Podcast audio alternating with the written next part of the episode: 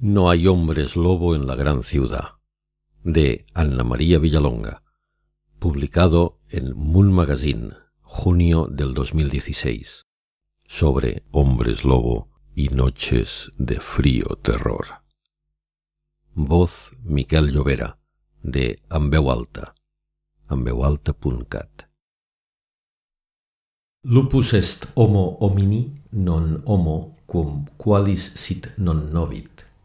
Tito Machio Plauto, 254-184 a.C. No hay hombres lobo en la gran ciudad. No los hay. No importa que la luna llena ilumine la bóveda celeste con su resplandor y su redondez, formando un círculo perfecto. Ningún humano sufrirá su influjo ni se convertirá en una bestia maligna. Ninguno. Esa historia es un mito, un cuento, una invención, una distracción del cine y de la literatura, una diversión para adolescentes impresionables. No hay hombres lobo. Él por fin lo sabe. Le han convencido.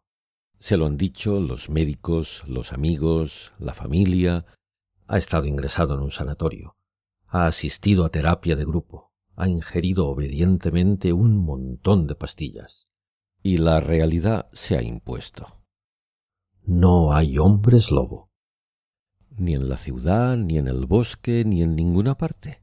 Es así de sencillo. Los hombres lobo no existen. Ya no tiene problemas para salir de casa aunque sea tarde y Selene gravite brillante y plena sobre el cielo de la ciudad. Antes le resultaba imposible. Tenía miedo un hombre lobo podía atacarlo, clavarle las garras, destrozarle la carne, destriparlo. Sin embargo, ahora ya no, porque no hay hombres lobo. Puede estar tranquilo.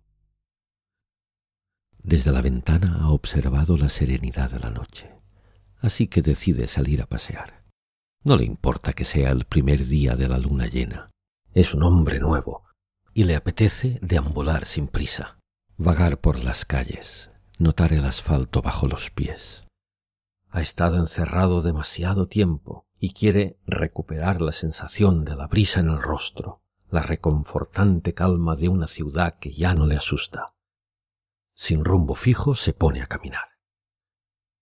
Cuando lleva recorridos unos cuantos metros, le parece que un sonido extraño ha rasgado el silencio aminora la marcha para escuchar mejor. Sí, ahora lo percibe claramente.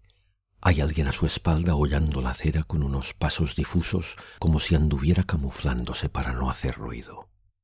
Él se inquieta un poco, pero luego comprende que no tiene motivos, no pasa nada. Solo es otra persona que ha salido a disfrutar de la agradable noche. Sigue adelante.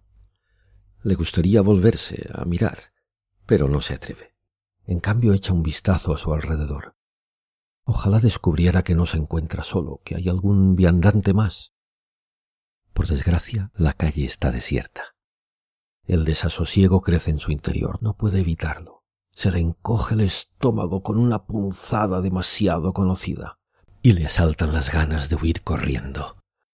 Pero no, no, no lo hará, porque no hay hombres lobo. Aun así, aprieta el paso. Y entonces, sin previo aviso, el otro lo hace también. Él se da cuenta por el taconeo acelerado de las botas de su perseguidor, que ya no intenta ocultarse. Como un loco empieza a correr, el corazón atenazándole la garganta, la visión borrosa, el pecho convertido en una piedra que no le deja respirar. Le parece que avanza, pero luego nota que no. Apenas se mueve. No sabe si le fallan las piernas. Solo entiende que es presa de un pánico inmenso, desaforado, que ni siquiera le permite hallar la voz para gritar.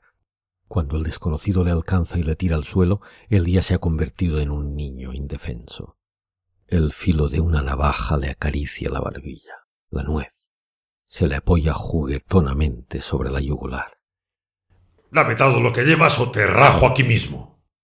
No lleva mucho, pero se lo da sin rechistar. Espera que el asaltante se vaya, pero en lugar de eso le golpea la cara con la mano abierta y le arranca el reloj. Él sigue en el suelo, no puede levantarse. farfulla algo con voz queda, con un quejido como de gato enfermo. El otro apretando la mandíbula le asesta en las costillas un brutal puntapié. ¡Cállate, hijo de puta! Él se hunde. No puede controlar un chorro maloliente y cálido que de repente se le cuela entre las piernas, un líquido pegajoso que le empapa los pantalones, los calcetines, los zapatos. En silencio empieza a llorar. No puede reprimirse. Se está orinando encima, con la cara llena de lágrimas. El perseguidor se agacha a su lado, muy cerca, rostro con rostro, aliento con aliento con frialdad premeditada le clava una mirada dura como el diamante. Le taladra los párpados, el cerebro, la piel. Sé dónde vives, cabrón. Si me denuncias, te mato. Él se echa a temblar. El otro se yergue con parsimonia, le patea el costado con la punta de la bota y se aleja calle abajo, protegido por las sombras, riendo entre dientes. Él cierra los ojos sin parar de llorar, intentando en vano ponerse en pie. No hay hombres lobo en la gran ciudad.